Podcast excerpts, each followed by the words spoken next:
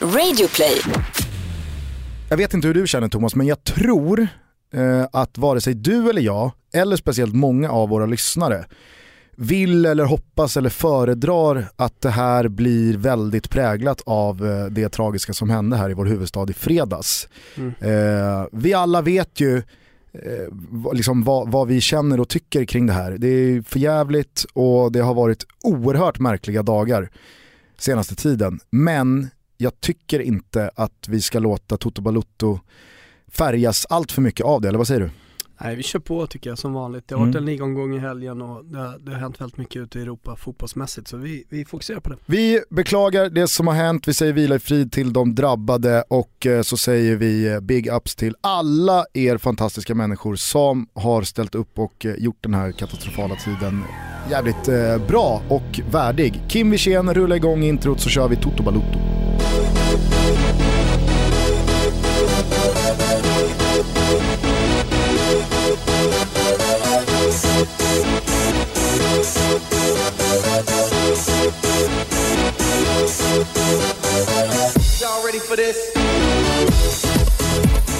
10 april, Tompa-gubben. Mm. Det är ju två födelsedagar som sticker ut här idag.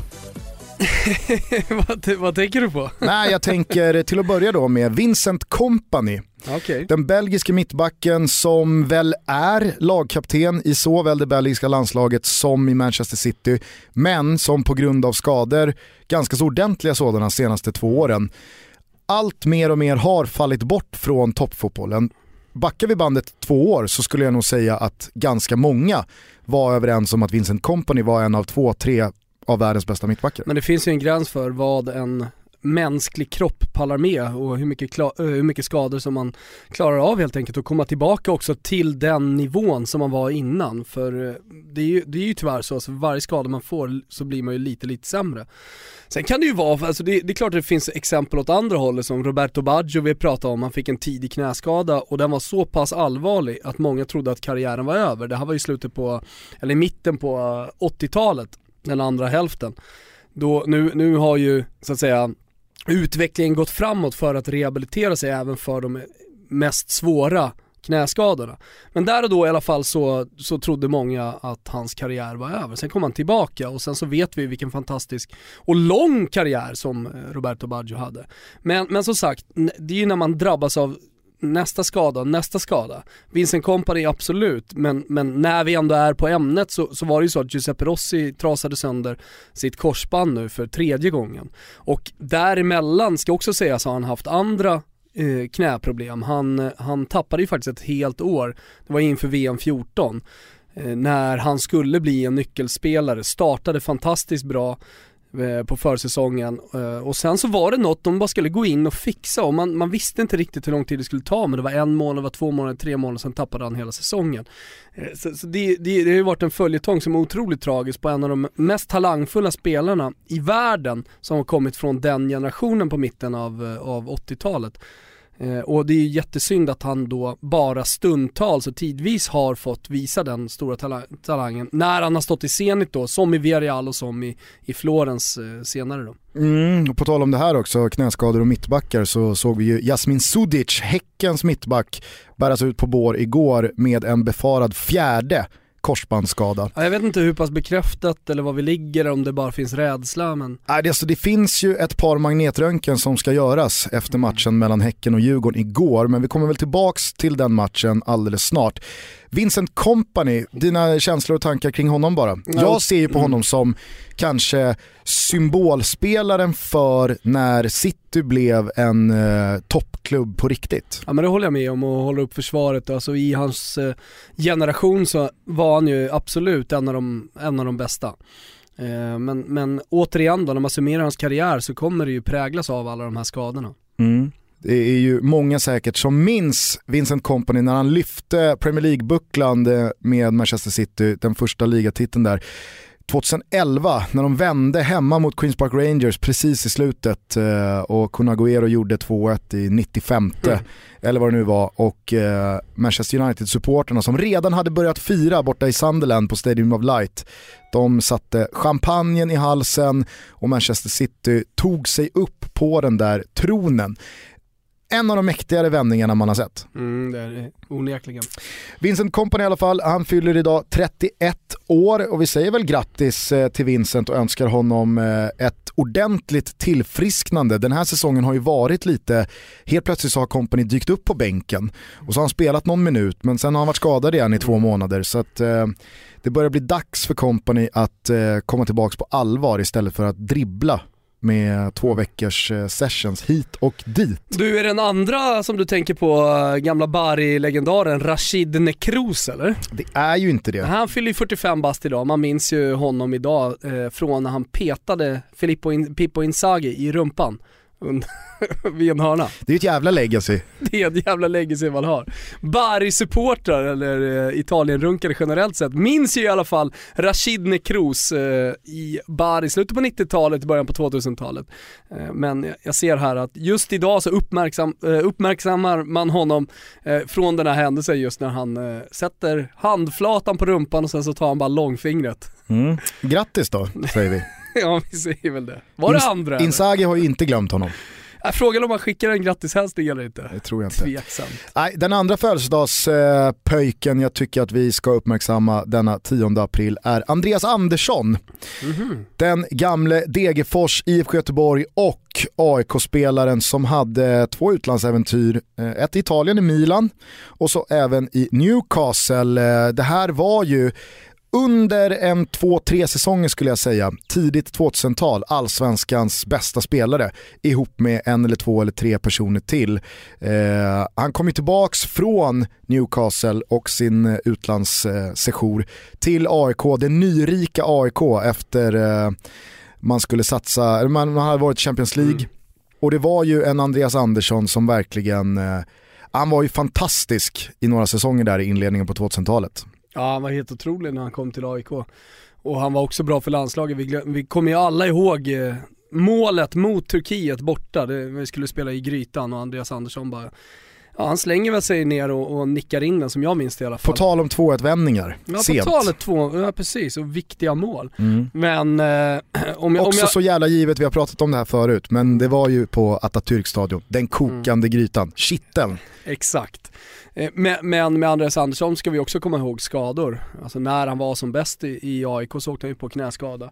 Eh, jag kommer ihåg matchen mot Arsenal, matcherna mot Arsenal, där han var helt fantastisk. Inte minst på Råsunda, där han eh, jäckade det där profilstarka Arsenal-försvaret nästan på egen hand. Mm. Och så då Nebbo såklart då, som, som rörde sig runt, men, men han var otroligt bra. Och det var ju matcher som, där, där AIK faktiskt stundtals i alla fall och i, ja, man tar Barcelona-matchen som slutade tråkigt med, med, med ett mål, eh, en domarmiss på, i slutet av matchen. Men, men eh, jag tycker även eh, Arsenal-matcherna också, alltså matcher där AIK faktiskt är med. Där de mäter sig ändå och det är ändå de bästa i världen. Mm. Det, ja, det var bara. Och så Fiorentina hemma, det var inte heller en dålig match. Det var ju lite före min tid, men Andreas Andersson var ju också grym i IFK Göteborg. I det Blåvitt som dominerade ja. allsvenskan totalt i mitten på Ja men det var ju flera som var, alltså det var, det var en gyllene generation som kom upp och de, de samlades i Göteborg och då, och då var ju Göteborg en stormakt också, lite på Bayern München vis så kunde man då locka till sig de bästa talangerna. Mm.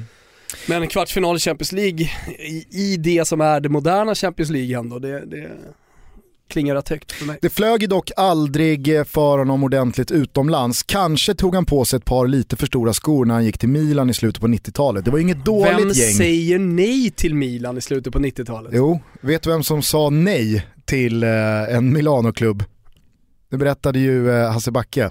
Dan Salin. Mm. Backe berättade att han alltså tackat nej till Inter. ja. Nej, de är för bra. Ja, de är för bra. Nej, men Andreas Andersson, alltså med den statusen han hade inom svensk fotboll, han redan spelat Champions League liksom med, med IFK Göteborg och, och var på väg att blomma ut till någonting stort på riktigt. Mm. Eh, då, då, då, tackar man, man kan inte tacka nej till, till AC Milan som på den tiden var, var en av Europas mäktigaste klubbar och bästa sportsligt också.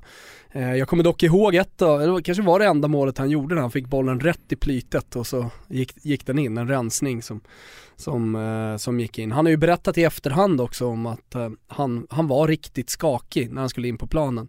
Och eh, att eh, det var så taktiskt, han var inte van med det så han, han, han var yr i huvudet, han visste inte hur han skulle springa. Nej.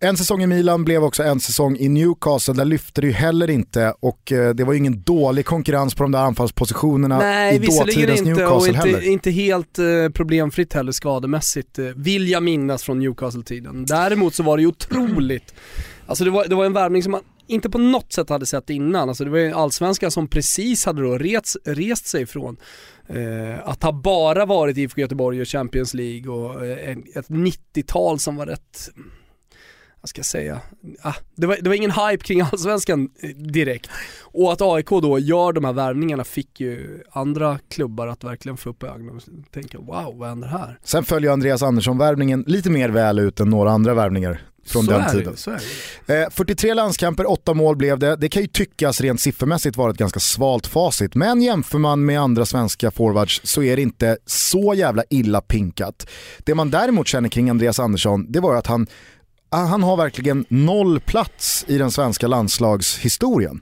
Det är ju Har han ingen... verkligen det? Ja det skulle jag nog säga, det är nog ingen. Inte min. Ja, men han har det där målet mot Turkiet. Det har han. Absolut. Men i mästerskap så har ju Andreas Andersson dels fått lida av att Sverige inte kvalificerade sig till vare sig 96 eller 98, EM 2000. Ah, Jag skulle nog säga att det, där tjänar ganska många spelare på att inte ha varit med. eh, VM 2002 fick han ju speltid, men där var det ju väldigt mycket Henke, Albeck där bakom. Det var ju liksom Zlatan som joker, Andreas Andersson, Mattias Jonsson fanns också. Borde ha fått mer speltid. Och efter 02 så var han ju borta. Så att eh, jag tycker att eh, Andreas Andersson, han eh, satte inte några jätteavtryck i blågult. Det, det, Nej, nej det, det gjorde han väl då kanske inte, men, men eh, en otrolig spelare tycker jag. Han eh, fyller idag 43. Så pass alltså. Jag minns när jag gick i eh, sjuan, åttan kanske. Vi hade prao, eller vi hade någon studiedag med eh, vår högstadieklass. Tog oss ut till Karlberg, så fick alla chansen att ställa en fråga till eh, valfri AIK-spelare. Okay. Jag väljer att då ställa min fråga till Andreas Andersson. Tänker att nu ska jag briljera. Så jag säger, vilken anfallare lärde du dig mest av? George Vea i Milan eller Alan Shearer i Newcastle? Tänker så här, där satt den. Den, den fick jag till. Andreas Andersson tittar bara på mig, suckar och säger, var det där en fråga eller? Och sen gick han vidare. Så jävla överkörning. Ja, jag gillar det. Du, det har eh, snurrat vidare med internationell fotboll såklart. Allsvenskan är inne i sin andra omgång. Här kommer en liten recap för dig och alla andra som vill veta vad det är som har hänt. Romelu Lukaku stormar mot sin första skytteligaseger i Premier League efter två nya pytsar i målkalaset mellan Everton och Leicester igår. Belgaren är nu uppe på 23 kassar och anfallaren lär bli en av sommarens stora snackisar vad gäller transfers. Det blev annars nya segrar för samtliga topplag i helgens omgång där Tottenham återigen imponerade stort, ännu en gång anförda av Hyung Min Son. Harry Kane gjorde comeback och de vita liljorna befäster andra platsen bakom Chelsea. Zlatan gjorde mål för andra matchen i rad när Sunderland tackade för sig i Premier League och den svenska Sunderland supporterklubb från Lund som tagit sig till Stadium of Light med en Sebbe Larsson-banderoll fick se sin hjälte bli utvisad redan i den första halvleken. Jürgen Klopp spelade högt med startelvan borta mot Stoke, låg under i paus, bytte in sin brasseduo Coutinho och Firmino och vände på steken. Ikväll spelar Arsenal mot Crystal Palace och ett poängtapp för Wenger innebär sjätte plats i tabellen. I Spanien delade de två stora Madridlagen lika på poängen i ett hett och intensivt derby där bortalaget Atleticos Griezmann fick sista ordet. Krysset var Barsas väg in i titeljakten, men en chockartad förlust borta mot Malaga gör att Real nu leder med tre poäng med en match mindre spelad. Eibar tog tre nya samtidigt som Villarreal slog Bilbao. Det innebär att det lilla laget från Baskien, inte Bilbao alltså, nu ligger på Europa League-plats. I Italien passerade Milan Inter i tabellen efter att de rödsvarta slaktat Palermo och de blåsvarta förlorat mot Marcus Rodéns Crotone. Svensken fick fina betyg och man har nu bara tre poäng upp till Empoli ovanför strecket. Ett Empoli som på 31 ligamatcher bara gjort 18 mål anmärkningsvärt. Napoli imponerade i segern över Lazio och både Belotti och Dzeko gjorde ytterligare mål i kampen om skytteligatiteln där. De båda står nu på 24 vardera och lite längre ner är nu Marco Borriello bara en fjuttig kasse ifrån att få en semester betald av Bobo Vieri. I Tyskland hjälpte Bayern München, Emil Forsberg, Leipzig och Hoffenheim närmare Champions League genom att pulverisera Dortmund i der Klassiker. Robert Lewandowski gjorde mål nummer 25 och 26 och lämnade i och med det Pierre-Emerick Aubameyang bakom sig i kampen om att bli årets tårjäger. Vi tackar Darmstadt för den här gången och konstaterar att Hamburg trots en ny längre skada på Albin tog en ny blytung trea i jakten på nytt kontrakt. I Frankrike är Balotelli tillbaka i gammal god höstform på allvar, ny seger mm. för Nice och trots att drömmen om ligatiteln nog bara lär stanna vid en just en dröm kan man nog räkna med Champions League nästa år efter att Lyon på fjärdeplatsen förlorat igen. Succé och upprättelse för Lucien Favre på NIS tränarbänk. Vi avslutar i Allsvenskan där Häcken och Djurgården spelade en av de märkligare matcher man skådat. Båren var inne och hämtade tre gubbar redan innan paus och domare Glenn Nyberg kommer nog aldrig att få använda sin visselpipa så frekvent igen. Mållöst men en viktig pinne för Djurgården efter kraschlandningen i premiären. Östersund tvålade till Peking och 1-0 borde varit större siffror. I veckan väntar exakt samma möte i kuppfinalen och av gårdagens batalj att döma kan Graham Potters gäng ställa in sig på Europa League-kval i sommar. Halmstad visade moral när man hämtade upp 0-2 borta mot J Södra med 10 man. Bayern AFC fixade årets första pinnar och IFK Göteborg la en blöt filt över den Sirius-eld som Kingsley Sarfo tände förra veckan. Vi kan konstatera att inget lag hittills inlett med två segrar, men att Elfsborg ikväll har chansen mot AIK. För inte upprepar väl Giffarna fjolårets bedrift med bortaseger från, märk väl, den 11 april mot Malmö FF. Får man stanna till lite inom den italienska fotbollen? Det eh, finns en del saker att säga där. Vi brukar inte prata jättemycket om den för vi vet att intresset inte är så brett och med våra tusentals lyssnare så anpassar vi oss därefter också. Folk gillar också att racka ner på dig, att ja, eh, skjuta ner dig när Italien-vurmaren ja. Thomas Wilbacher vill ta sig till den Apenninska halvön. Ja men exakt. Eh, det som har hänt är att Milan då har gått om Inter och Inter som hela vintern har pratat om att Champions League är möjligt. Nu är det 10 poäng upp till Napoli för Milans del alltså, och Inter har 12 poäng upp till Napoli, kommer ju såklart aldrig att gå. Nej. Utan istället får man då jaga en Europa League, hur mycket man nu vill ha den. Eh, det, det, är ju så, jag vet inte hur många som inte följer den italienska fotbollen som känner till det, men både Inter och Milan Eh, har ju fått nya ägare. Eh, Milan är inte riktigt klart än, det är ju en affär som har skjutits upp men det är kinesiska ägare på väg in. Man vet inte exakt hur den konstellationen ser ut men, men det är i alla fall ett Milan som i sommar med största sannolikhet kommer ha en massa pengar att spendera. Nu har man då svansat runt med en väldigt stor kostym, som det såklart är att vara Milan med det, det historiska bagaget man har i ryggen. Alltså hur mycket den tröjan betyder i, i, i världen eh, och det finns ju fortfarande väldigt mycket, många fans. Problemet blir ju... Fråga bara Andreas Andersson. Ja, fråga bara Andreas Andersson. Problemet blir ju för Milan, det är ju att alla supportrar, inte bara Milan-supportrar, låt oss säga fotbollssupportrar generellt sett, hela tiden jämför dem med, med det som har varit de senaste 25 åren. Eh, med, med, med, ett Milan som hela tiden är med och slåss om, om eh, Champions League-titlar. Vi får inte glömma bort heller att det är ju bara 10 år sedan man var där.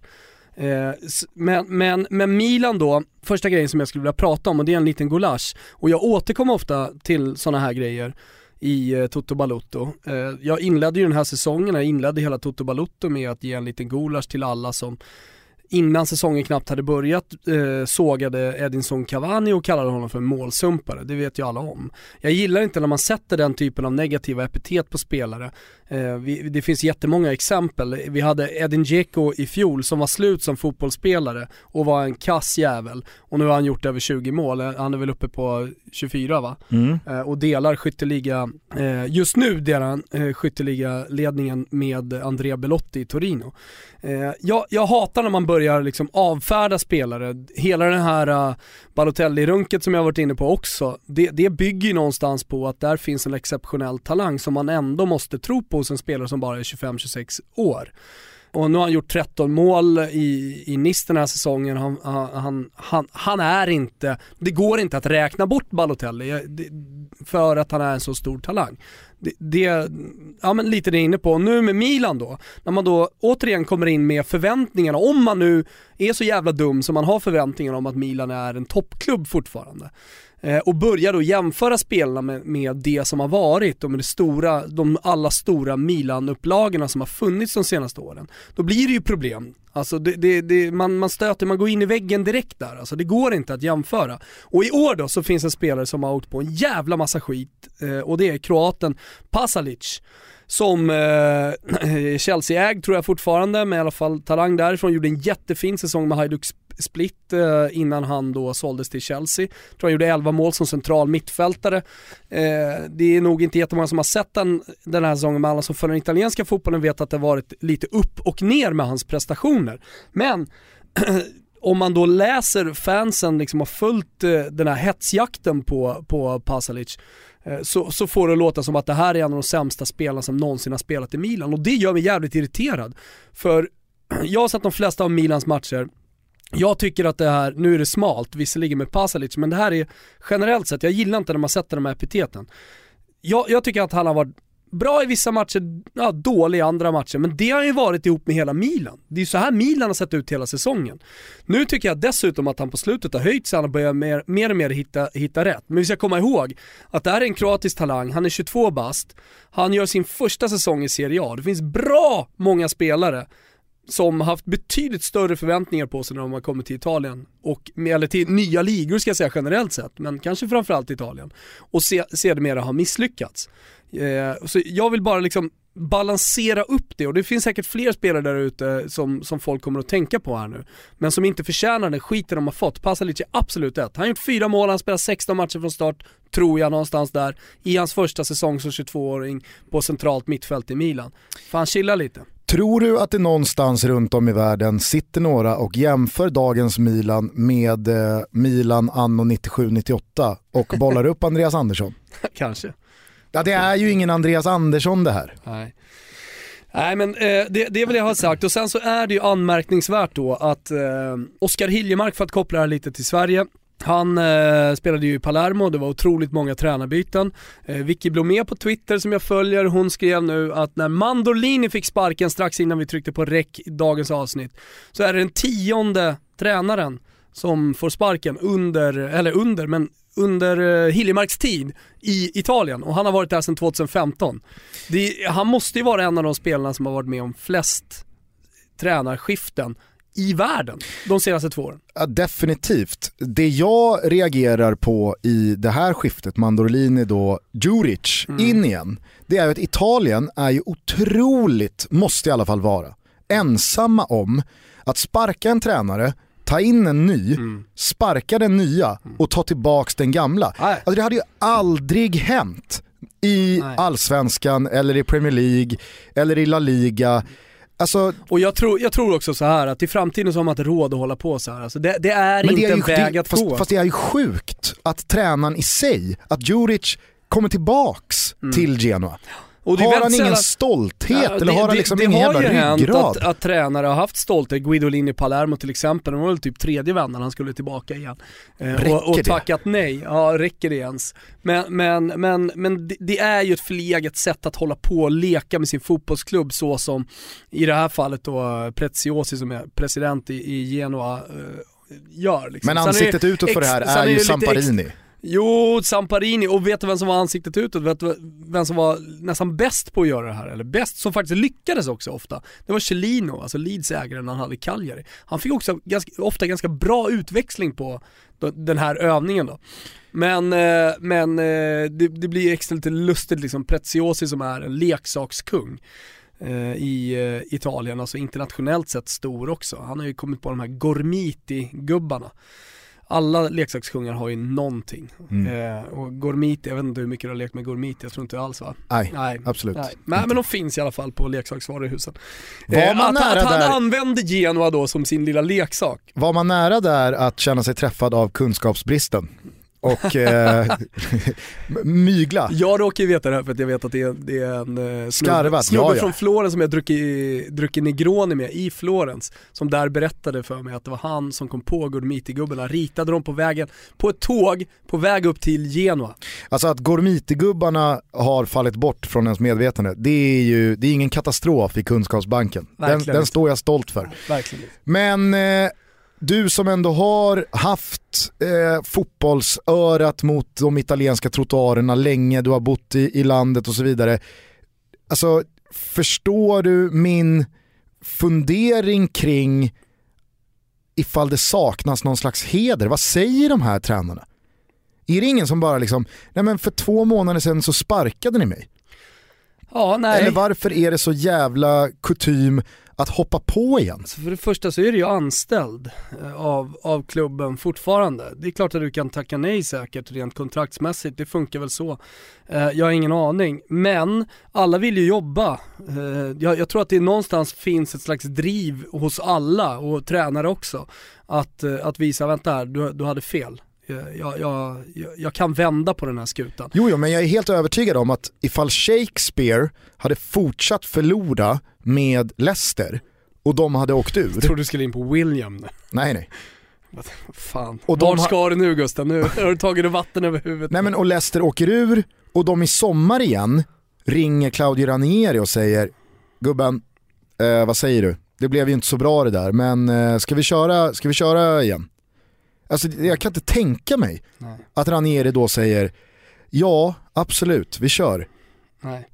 Sen är det ju eh, exceptionellt måste man säga att... Eh... Eller Pelle Olsson som fick sparken från Djurgården i fjol, Mark Dempsey kommer in, hade det slutat med platt fall och Djurgården, eh, jag vet inte, kvala sig kvar, finns ju inte på kartan att ringa Pelle igen. Nej. Sen är det ju exceptionellt, för du vet, när vi ändå pratar om Genoa så, så hade de ju en jättefin höst. Vi ska inte stanna för länge där, men de en jättefin höst. Och det pratades väldigt mycket om Diego Simeones grabb som lirade där. Jag tror han gjorde 10 baljer på, på ett halvår. Och så är han nu helt ute i, i kylan och man har alltså sen jul bara vunnit en match och det är borta mot Empoli. I övrigt så är det då en rad torskar. Ivan Djuric när han fick sparken, han eh, eh förlorade då med 5-0 mot Pescara i, eh, alltså det som fick dem att sparka honom. Och då hade de inte gjort mål på tre matcher. Så det, det är ett Genoa som helt plötsligt inte kan göra mål. Om man kollar då på de senaste matcherna Men det var väl å andra för, sidan också någon... mot ett Pescara som då hade Seman som Ex ny tränare. Ja men precis, han, han hade kommit in. Men kollar man då på vad Genoa har gjort de senaste matcherna. Man har förlorat 1-0 mot Samp, 1-0 Milan, 5-0 mot Atalanta och 3-0 mot Genoa. Man har alltså inte gjort ett enda mål på fyra matcher och släppt in 10. Ja. någonting, man, man kan tänka så här, om man är president, fan någonting vill man ju göra. Jo, men det är ju... 0-8 på de två senaste matcherna. Fast det är ju verkligen att underkänna sig själv som president. Ja, och sportchefen då, som har någonting i det här När sportchefen då säger att för två månader sedan så sparkar vi dig för att du gjorde ditt jobb för dåligt. Det var för dåliga resultat. Om man två månader senare tycker att äh, men den bästa lösningen är nog Ivan Djuric. Mm. Då säger man ju, vi hade förmodligen fel här. Vi hade noll koll på vad fan vi gjorde för två månader sedan. Jag tycker att det är så märkligt att det här sker fem, sex gånger varje men, säsong i Italien. Men, men gör så här då, koppla över till Leicester. I, I England så sparkade Ranieri under Ja men ganska mycket kritik var det ändå, hur kan man göra det här? Man är fortfarande kvar i Champions League, men, men det tränarskiftet fick ju oerhört positiv effekt. Ja verkligen. Jag pratar bara hypotetiskt hur, jag, hur det hade varit ifall Shakespeare hade kommit in och fortsatt förlora och det hade gått åt helvete. Finns inte på kartan att vare sig Leicester från ena hållet eller Ranieri från det andra hållet hade kunnat tänka sig att ens överväga att köra igen. Är du igen. säker på det? Ja det är jag. Jag är inte så jävla säker på att om det hade blivit eh, fyra, fem torskar, att Ranieri hade tackat nej om de hade frågat honom.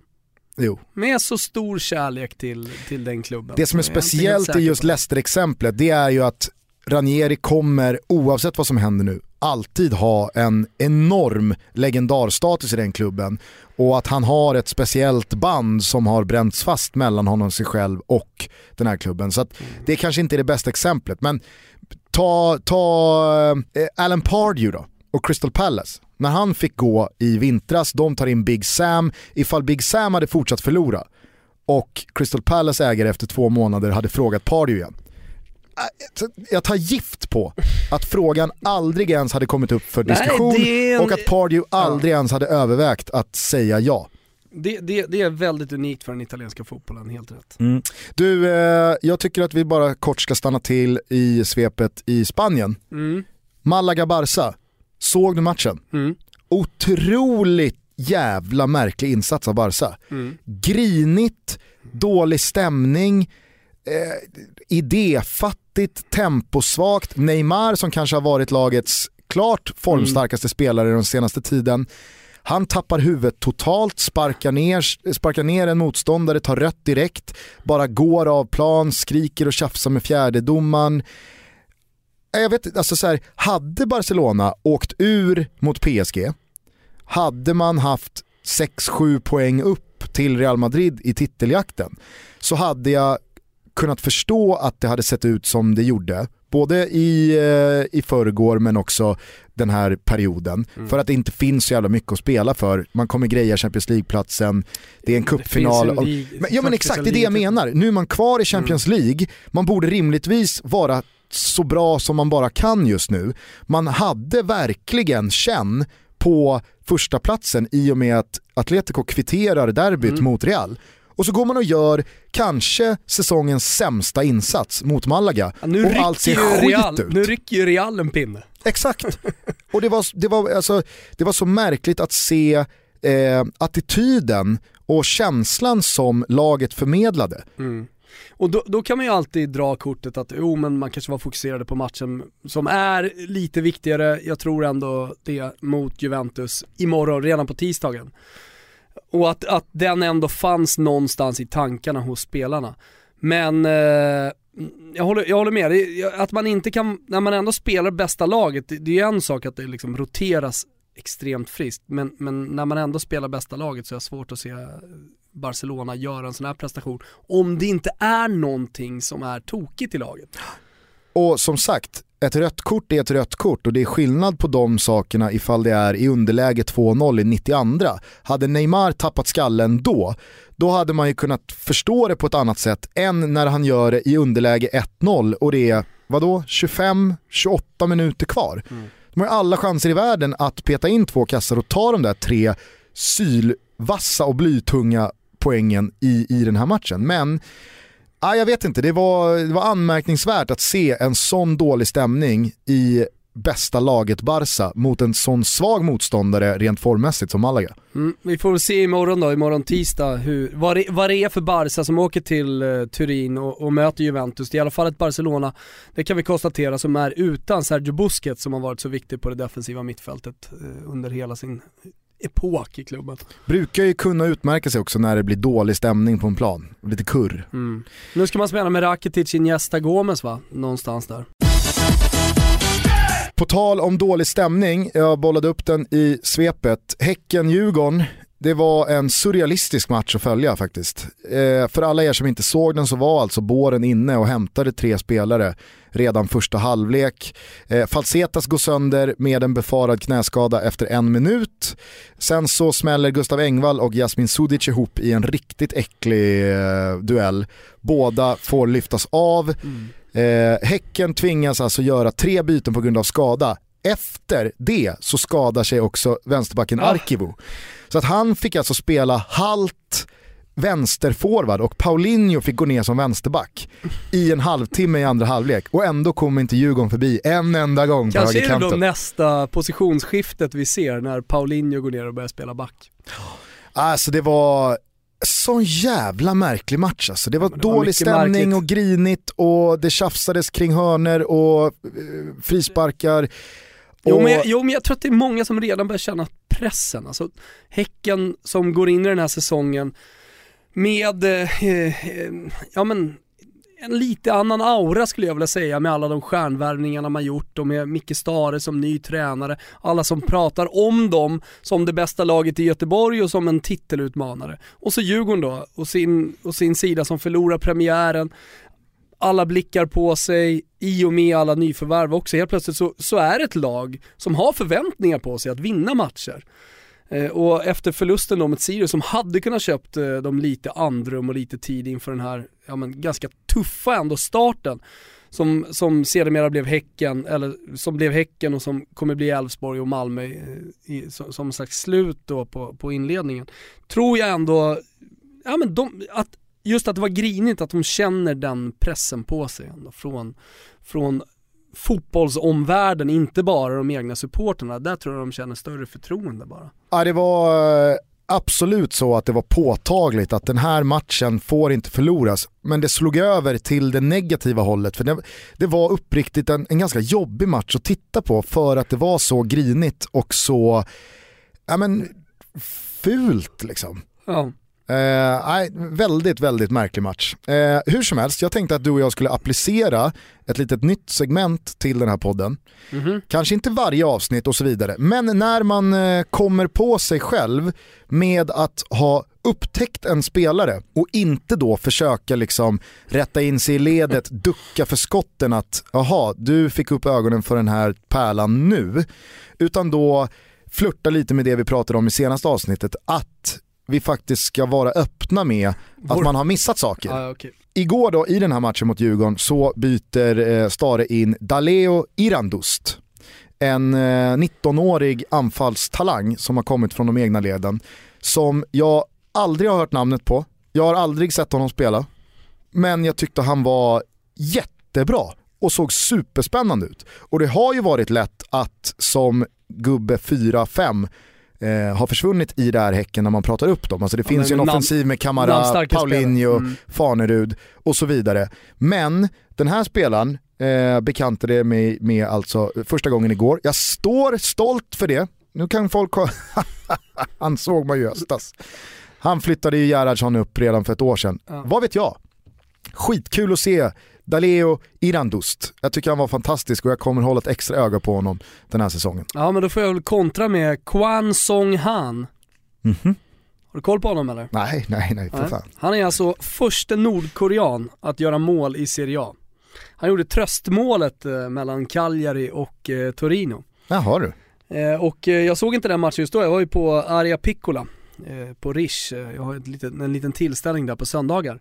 Och eh, det plingade till i telefonen tidigare då i den här matchen hade ju Borriello som du mycket väl eh, uppmärksammade här eh, och även eh, Belotti eh, scorat. Så det var ju ganska, ganska väntade målskyttar men sen att i slutet på matchen liksom någon Kwang, Kwan Song Han Ja, hade jag i alla fall inte hört talas om.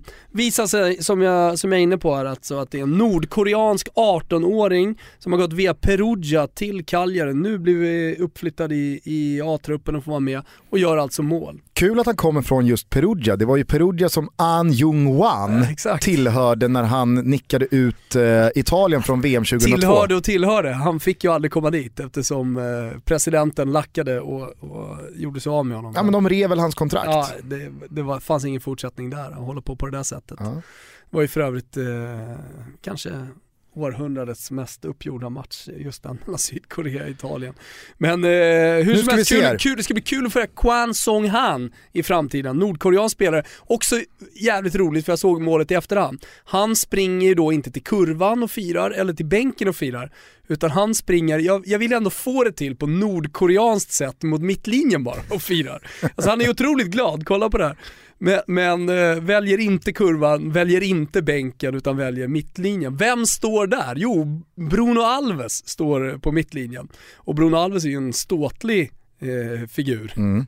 Han är, han är lång och stor och eh, det är ju allt eh, annat vad Kwan Song Han är. 18 bast från Nordkorea, jag tror han är 1,70 lång och vägde väl 58 kilo. Och så Bruno Alves som bara omfamnar den här lilla nordkoreanen, såg roligt ut. Bruno Alves har ju absolut potential att bli fotbollens svar på Dennis Rodman, alltså den gamle basketlegendaren som har börjat hänga en hel del i Nordkorea med eh, presidenten Kim. Kan då han vara hans väg in Exakt. i Nordkorea? Han blir bryggan för Bruno Alves att teama upp med Kim i framtiden. Helt klart, eh, helt klart potential att bli nordkoreansk eh, bli, bli, vad, vad blir han Dennis Rodman? Blir han också medborgare på något sätt? Rätt kontakter, ja då kan det gå fort. Finns, finns ingenting som är omöjligt där. Du, this just in fick ett meddelande här precis från vår gode vän Jesper Hoffman, Mhm. känd från eh, 08 Fotboll, eh, Är golf- AIK-profil. Är golf du eller? Nej, Han han har 18 rapporterar att eh, korsbandet har rykt på Jasmin Sudic Okej. för fjärde Fy gången alltså. tråkigt alltså. Så att, eh, En fet jävla gulasch till alla korsband. mm, Till att korsband är ett sånt gissel inom fotbollen. och jag vet, Sorgligt. jag vet, jag vet att eh, det i matchen igår mellan Häcken och Djurgården förmodligen bara var en slump. Stjärnorna stod helt jävla fel, att det blev så många skador i just den matchen och att underlaget var konstgräs. Däremot så finns det ju en generalisering att göra kring korsband och konstgräs när det kommer till damfotboll. Där är det ju väldigt många korsband som ryker på just underlaget konstgräs. Mm. Men det jag ville komma till var att Gamla Ullevi har ju fått hybridgräs till den här säsongen. Och det är oerhört hyllat av lagen som har spelat där än så länge. Guys var ute och spelade mot Dalkurd i helgen. GGG! oh, oh, oh. Guys! Toppramsa. Ja. Eh, Dalkurds målvakt Frank Pettersson tokhyllade eh, underlaget på sin Twitter eh, efter matchen. Eh, ÖIS spelade ju eh, sin premiär där förra veckan och folk är ju lyriska alltså. Mm. Så att jag hoppas och jag tror att det är ofrånkomligt att en hel del klubbar väljer att följa efter Göteborg och Gamla Ullevi i det här. Nej, men det, det, det är klart att det är en lösning. Det är inte jättemånga som klagar på San Siros gräs Nej. som har varit där. Det, det, det är klart och sen är det mycket dyrare och det, finns säkert utmaningar utöver ekonomiska att, att lägga ett hybridgräs. Men, men eh, kan man gå den vägen så vore det ju fantastiskt för allsvenskan. Sen jag, såg, vet... jag spelade ju cup själv i, i helgen, eller jag spelade inte men mina tjejer spelade. Eh, och det, det, är ju, det är ju alltså hela tiden som tjejerna fastnar med dobbarna. Nu mm. kanske de är lite Bambi på hal is första gången ute med, med gräsdobbar och, och, och de kommer in i, kommer från en inomhussäsong. Men, men det är ju ändå märkvärdigt hur många som hela tiden fastnar i gräset. Sen är jag också väldigt medveten om att de här smällarna igår på Bravida, det var ju fysiska smällar. Ah, ja, alltså, eh, det de var inte, de, de fastnar inte i konstgräset. Eh, den enda som fastnade med någonting var ju Falseta som fastnar i tröjan då med sin fot och vrider knät. Så jag vet att det inte är hur, så mycket hur underlag Hur är det med Gustav Engvall då? Vet vi det? Inga rapporter än så länge. Okay. Men uh, ja, Jasmin Sudic i alla fall. Vi får väl ringa Bosse sen och höra. Mm. Vi ska dock lyfta luren och ringa Turkiet. Eh, mm, vi, pratade, vi pratade om vilka kontakter som eh, Bruno Alves eventuellt har via sina känningar i Nordkorea. Nu ska vi snacka med Danne för att han har sniffat upp att hans granne Gianni har ett riktigt, riktigt bra kontaktnät. Tjena Danne, Janne här. Har du Sams nummer?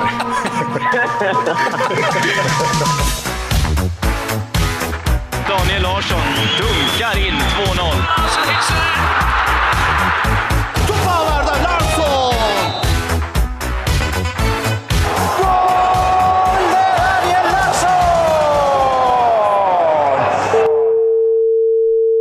Hallå! Tjena! Hörru, eh, befinner du dig utanför Villa Casanova? Uh, nej, eller ja, jo det gör jag ju. Fast nu befinner jag mig på min egen tomt. Har det blivit någon slags eh, grannfejd, tuppfäktning sådär, vem som har störst grill och så vidare? Nej, det är jag totalt chanslös. Alltså. Jag tänker inte ge mig in i något sånt bråk. Har du sett några extravaganser på Jannis uppfart eller eh, innanför häckarna? Nej, alltså det är fortfarande hemskt tomt där alltså. Han blir lite upp för honom. Han ligger begraven bredvid Unika. Ja, det är, det är nog tyvärr en möjlighet vi måste överväga. Ja, hur är läget annars då? Torsk igår borta mot Fenner. Fick några minuter från bänken? Eh, ja, ett fåtal minuter. Vi har inte hört på ett tag, det har ju varit turbulent här senaste tiden med tränarbyte och eh, ni har fått in eh, den gamla storspelaren. Berätta. Ja visst. Gamla Interlegendaren Håkan Burek har kommit in. Från, eh, han var i Izmir i andra ligan i Gestepe.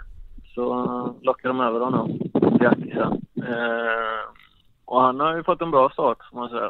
Och jag eh, har gjort det bra också tycker jag. Eh, fått, eh, fått upp glädjen lite och eh, fått oss att njuta och så vann vi en, en jävligt viktig match mot Başakşehir också. Men det där tycker jag är intressant, alltså få upp glädjen. Vad, vad, har han eh, liksom tagit till för metoder för att ni ska få upp glädjen? Thomas är ju bara ute efter att eh, kissbomben kanske har varit framme. alltså det, är väl inte, det har väl inte tagit sig uttryck just i en kissbomb, men eh, folk var jävligt trötta på den, hans föregångare. Och eh, det märks ju jävligt tydligt i allt egentligen. Det, det är svårt att och, och peka ut någonting som, som han har kommit in och ändrat på sådär beteendemässigt utan det är en annan gubbe bara liksom.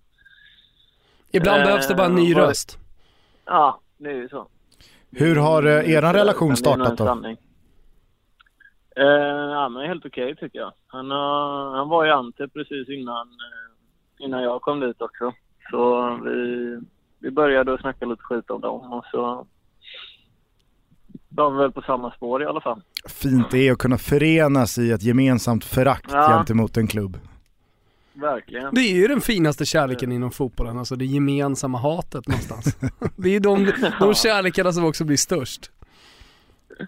Så är det nog eh, garanterat.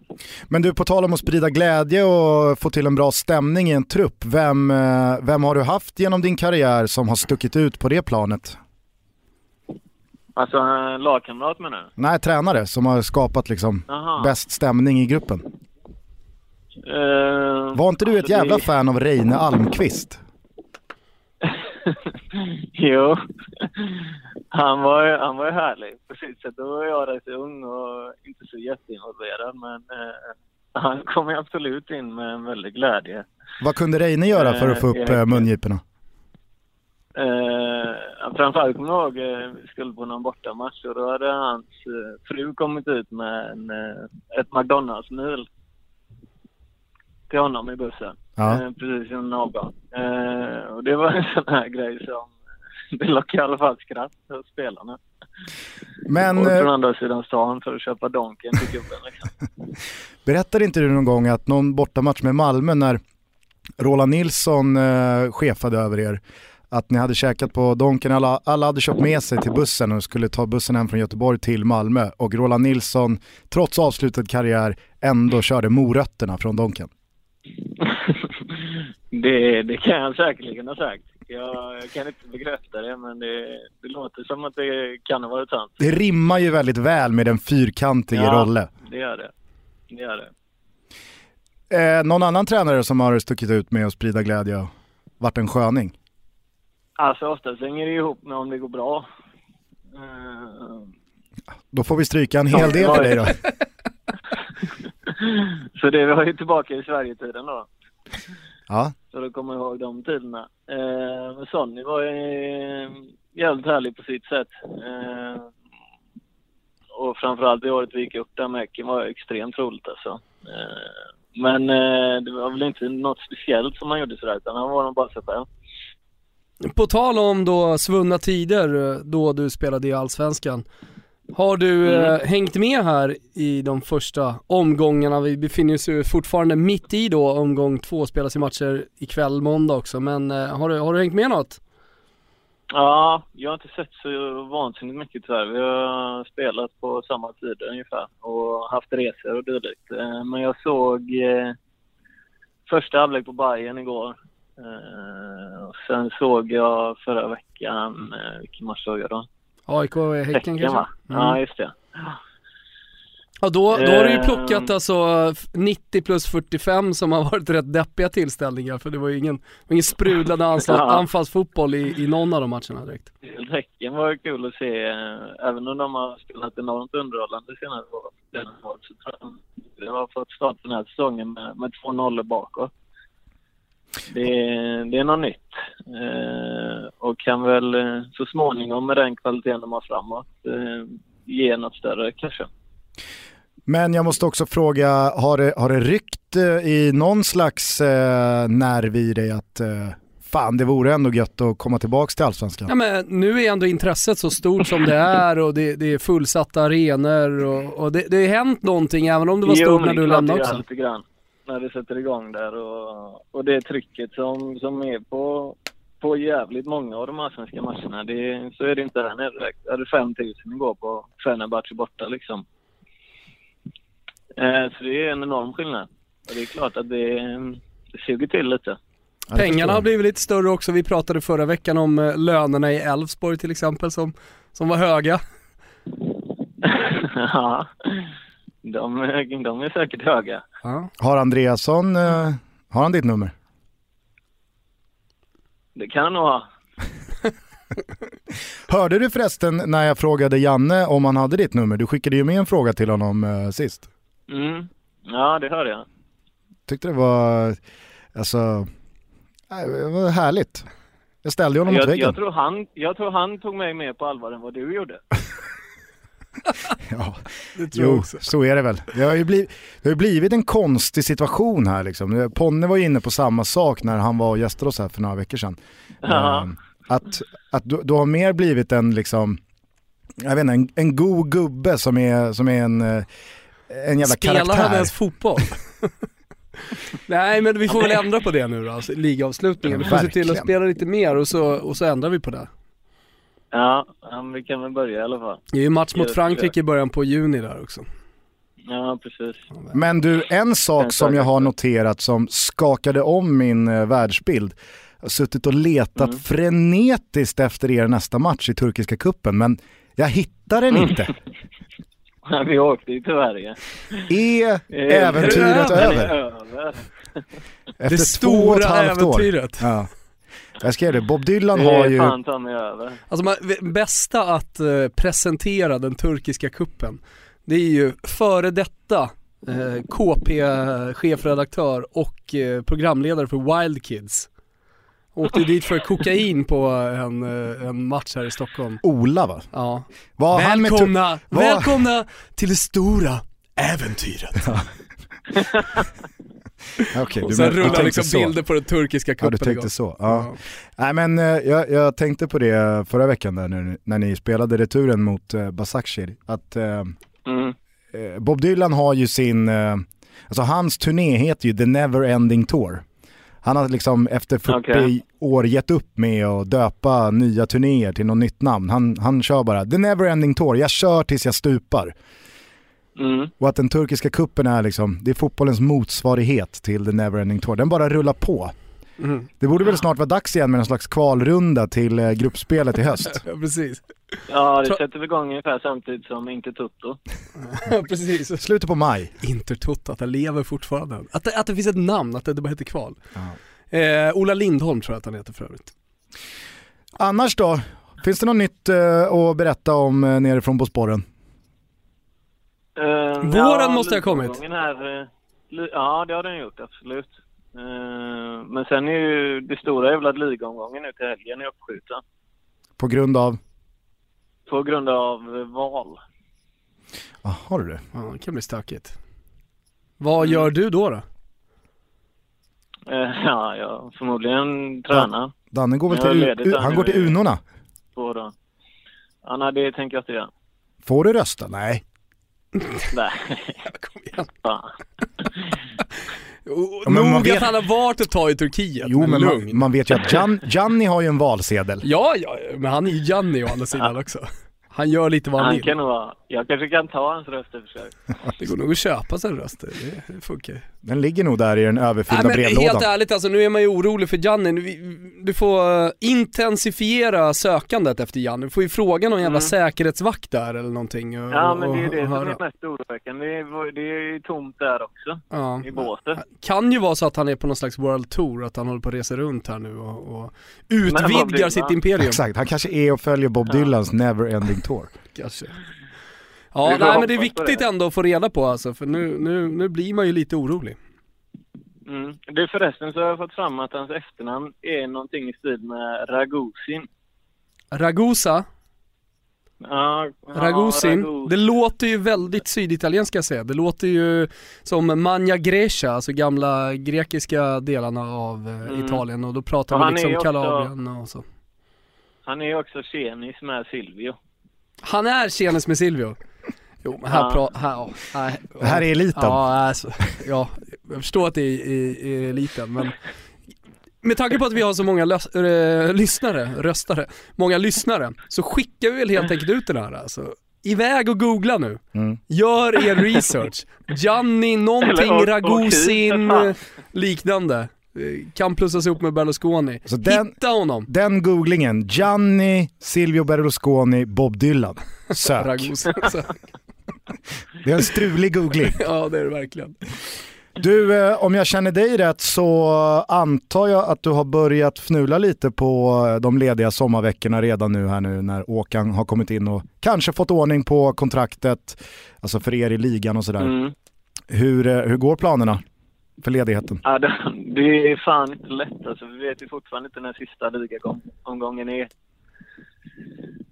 Så eh, det, jag har inte kommit så långt, helt ärligt.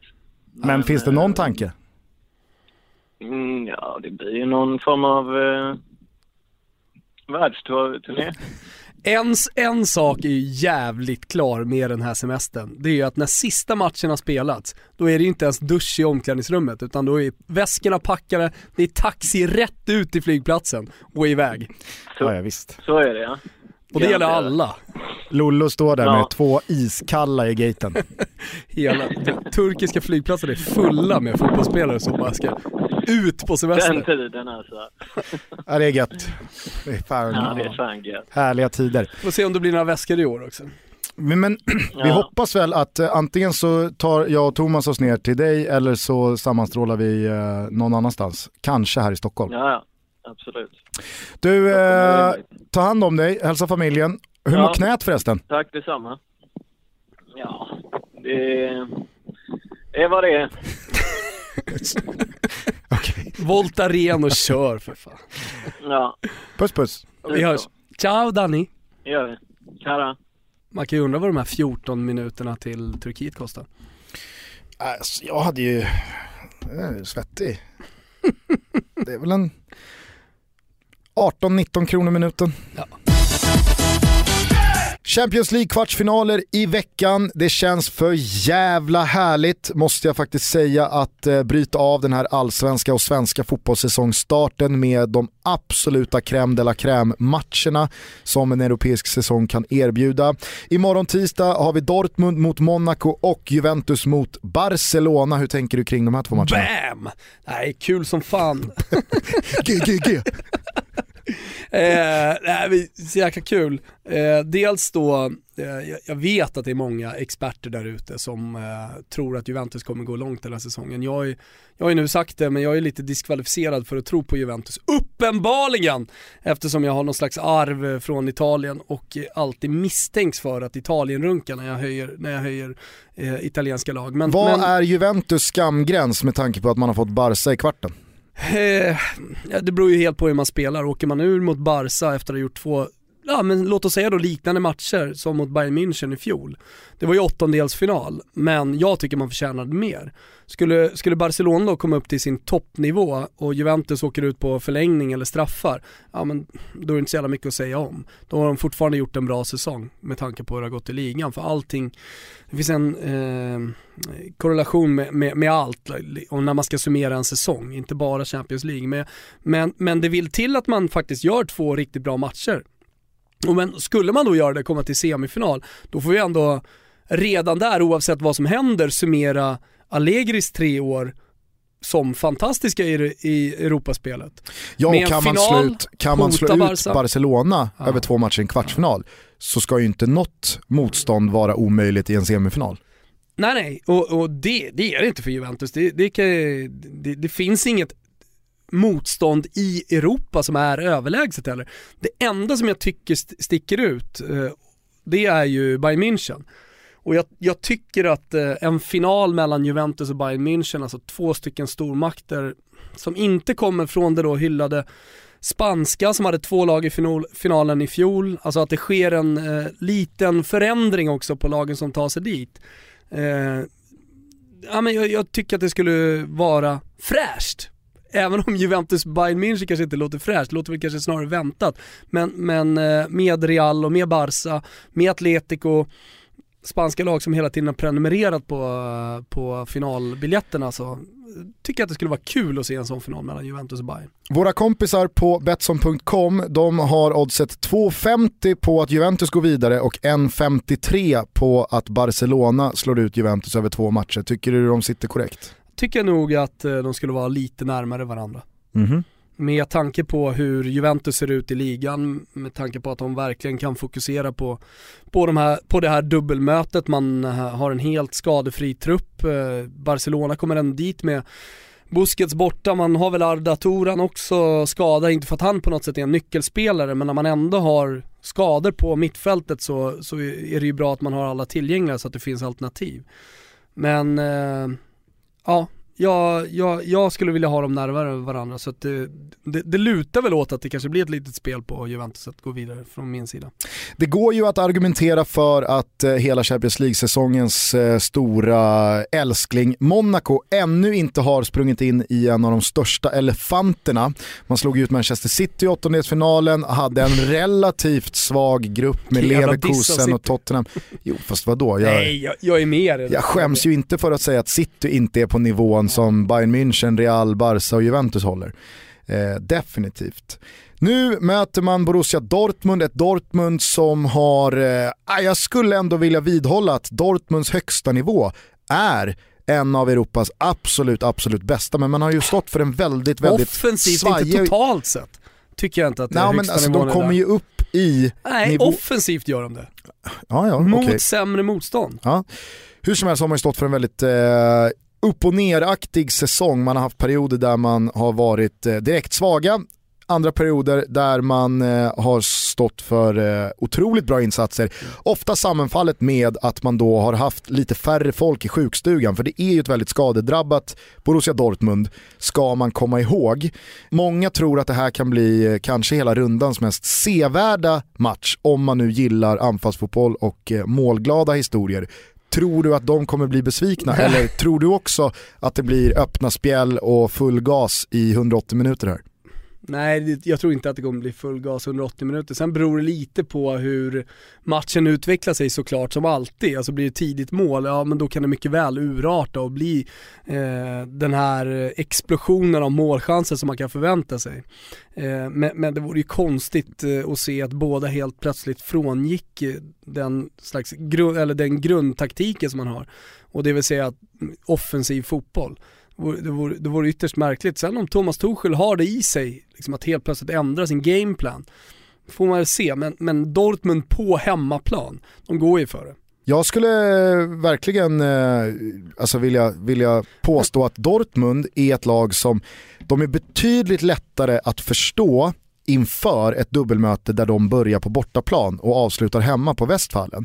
För om man ser till mötet då med Benfica så kändes det som att de åkte till Portugal och Lissabon för att få med sig ett resultat som är helt överkomligt att vända hemma i returen. Jo men de Och hade det också precis det som hände. otroligt mycket chanser. mot- Ja, ja, absolut, Det, men- det, är ju- det är ju exceptionellt hur mycket man missar Ja, det, var, det, var, det var märkligt att man inte gör mål i den Ja. matchen. Men håll med mig om att det finns en trygghet i att man vet att hemma på Västfallen kan vi göra både två, tre och till och med fyra mål ifall det behövs. Nu börjar man hemma mot Monaco och det ska bli kul att se ifall Tuchel går ut för att eh, alltså jag vet inte, gå på knock direkt. Eller om det finns en lite mer taktisk kyla i honom och att det finns en avvaktande gameplan med en bortamatch och bortamål med i beräkningarna. Eller om man då väljer att gå ut och rivstarta. Jag vet inte. Eh, Betsson har 1,65 på Dortmund och 2,24 på Monaco. Lite jämnare Låter- än i Barca-Juve. Ja absolut, men det låter också rimligt. Mm. Jag, jag skulle nog sätta ungefär samma procentuella fördelning på, på dem och gå vidare. Onsdagen bjuder på det kanske mest lätt-tippade mötet, i alla fall sett till oddsen, vilka Största som går vidare. Det är ju då Atletico Madrid som möter Leicester. Eh, Spanjackerna står i 1,19 att Ja. gå vidare, Leicester Och i 4,75. Och så kollar man på Leicesters eh, senaste månad, ursäkta, sen eh, tränarskiftet eh, med eh, sex segrar, bara en förlust och det var i helgen mot eh, Everton. Som var inför den här matchen mot, eh, mot Atletico. Så att, eh, det, det, jag, jag skulle inte skriva det i sten att eh, Atletico vinner den här bara. Nej, alltså förlusten, Dubbelmötet. förlusten för Leicester mot. Everton, den lägger man ju ingen som helst vikt Nej. vid. Men de ska ju stå i runda slängar 1,20 Atletico Madrid, för så pass mycket bättre är man. Nej, jag, jag, jag tänker bara att det kanske finns någon slags eh, asterisk bredvid Atletico Madrid inför det här mötet att de bara ska slå Leicester. Leicester har brottat sig förbi Sevilla, ett Sevilla som, jag menar, jämför du eh, Sevilla med Atletico Madrid över den här Vad säsongen, fan har titta med tabell och sådär. Sevilla? Nu är de ju uppe på segerkusen igen. Ja. Vinst i helgen. G, G, G. Oh, nej men, eh, håll med mig om att det, alltså så jag tror att ett Diego Simeone-styrt lag, ett Atletico Madrid, trivs ju lite bättre med att vara den här underdoggen.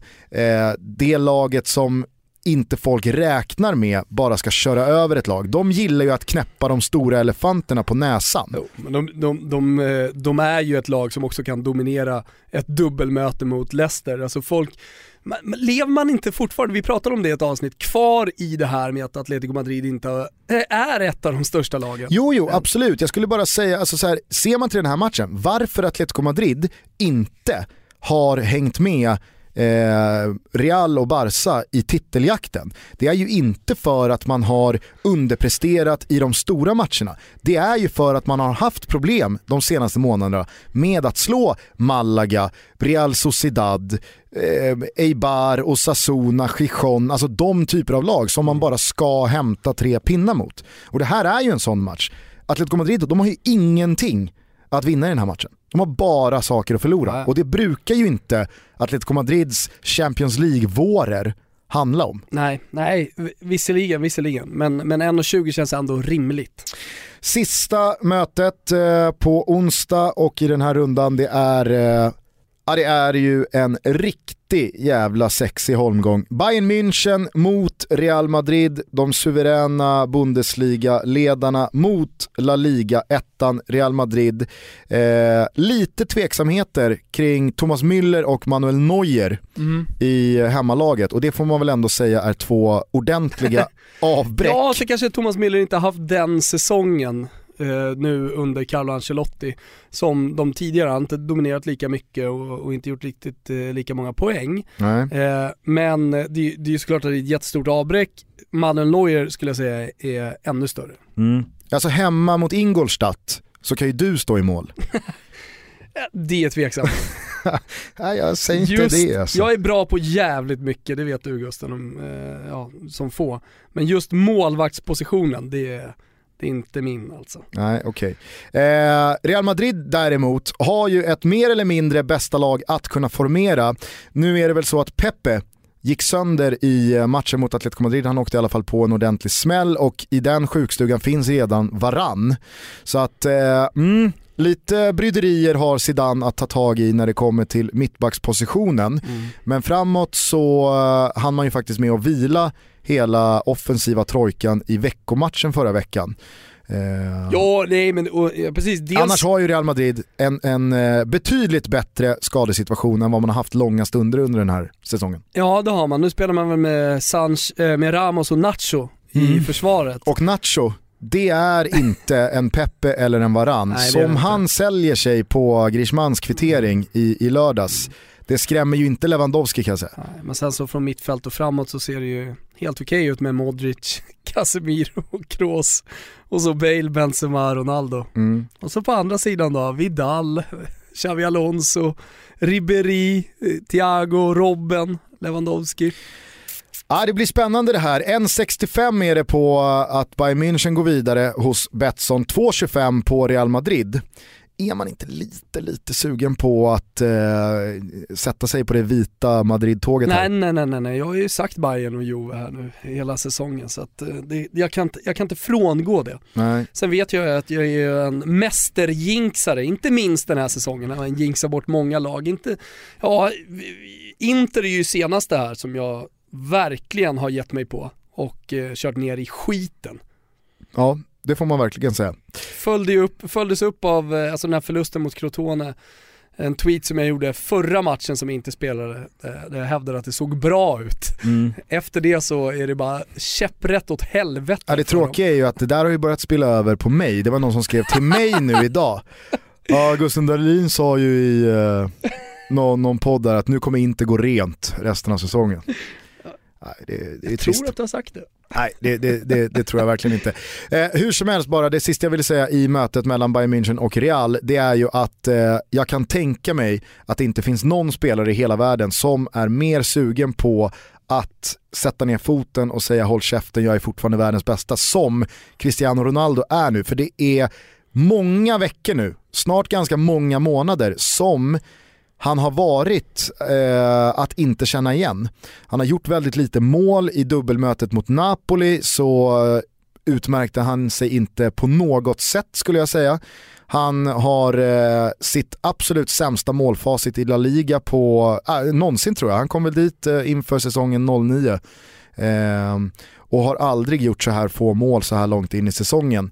Så att eh, det är ju en Cristiano Ronaldo som kanske inte är i toppslag men som förmodligen är oerhört sugen på att eh, sätta stopp för den här Champions League-måltorkan han är inne i.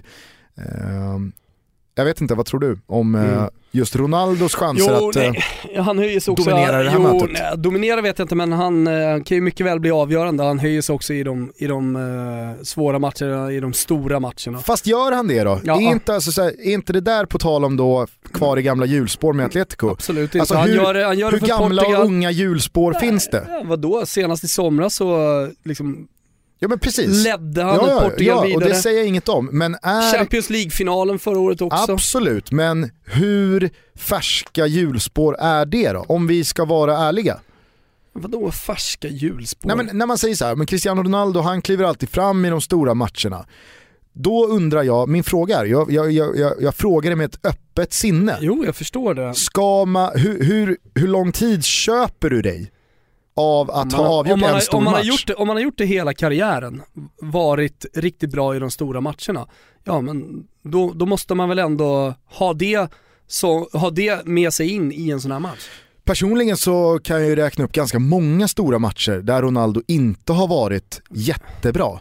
Finns väl, finns väl alltid exempel åt Ja, ett ja. eller annat håll men jag, jag, jag, jag menar han bara... har vunnit titlar åt sitt lag, liksom. Ja. Sina lag ska Ja. säga. Sen är det ju skillnad på titlar och stora matcher.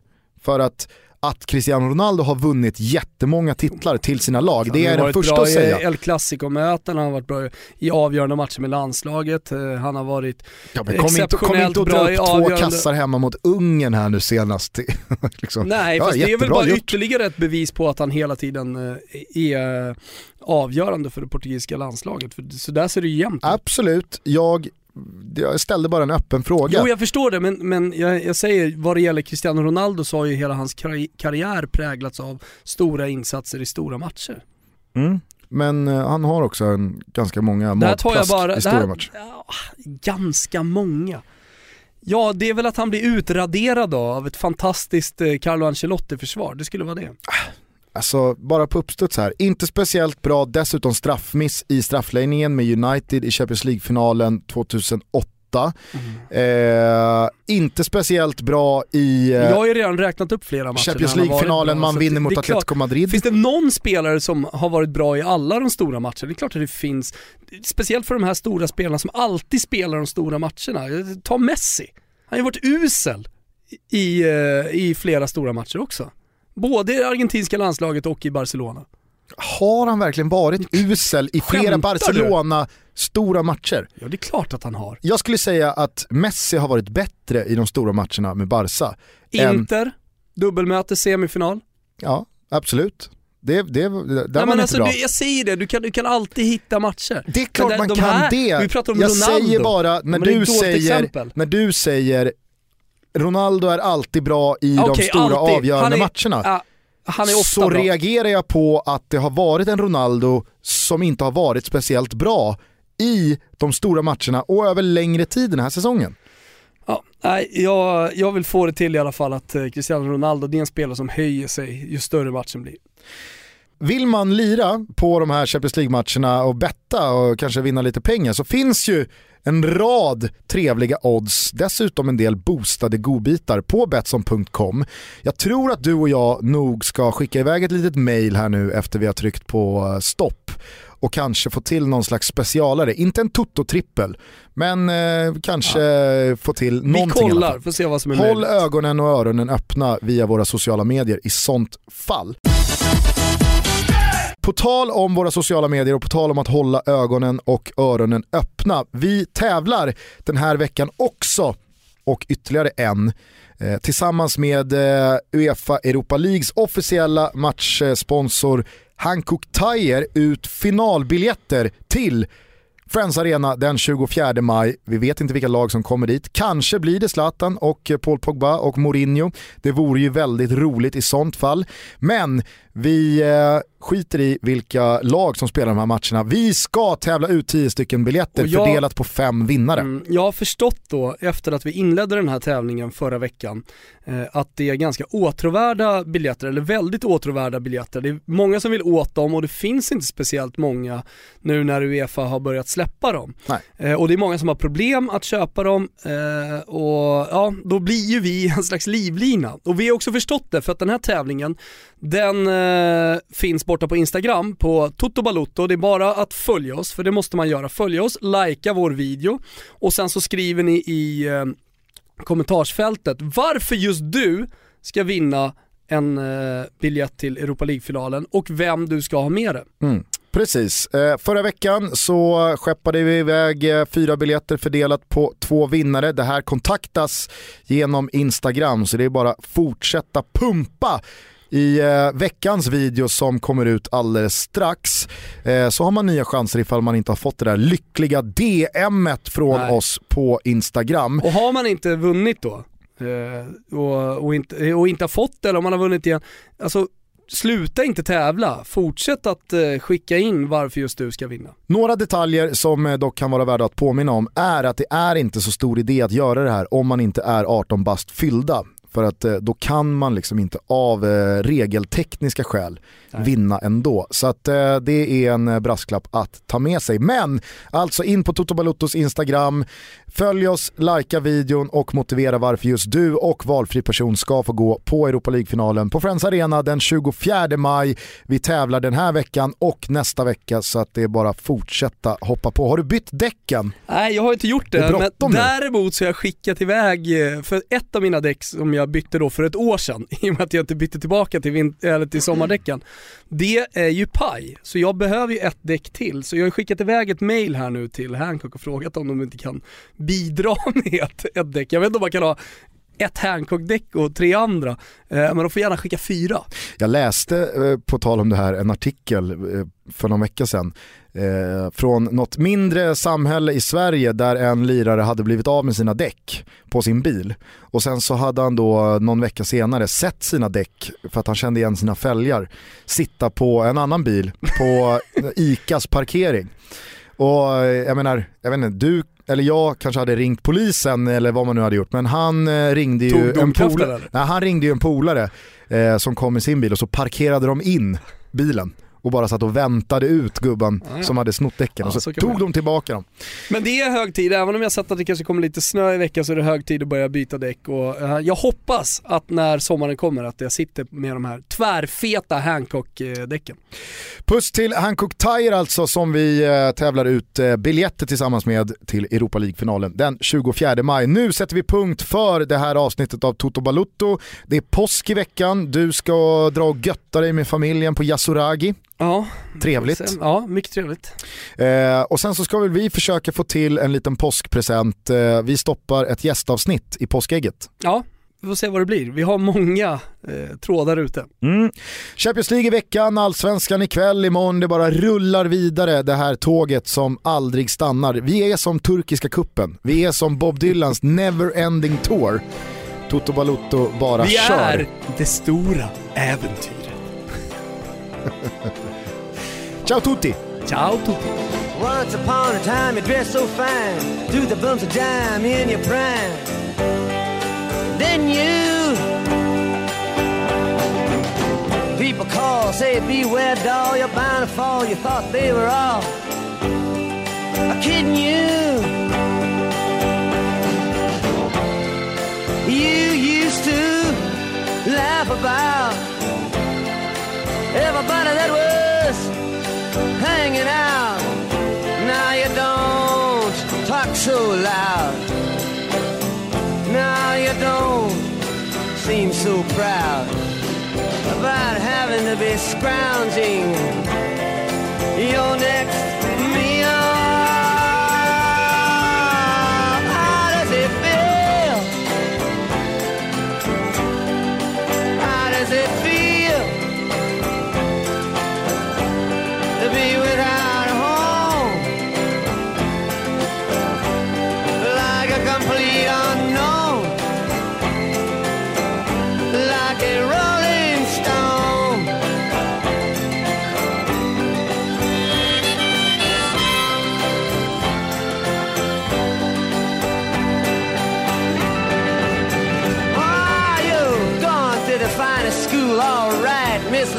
you know you only used to get juiced in it. Nobody's ever taught you how to live out on the street, and now you're gonna have to get used to it.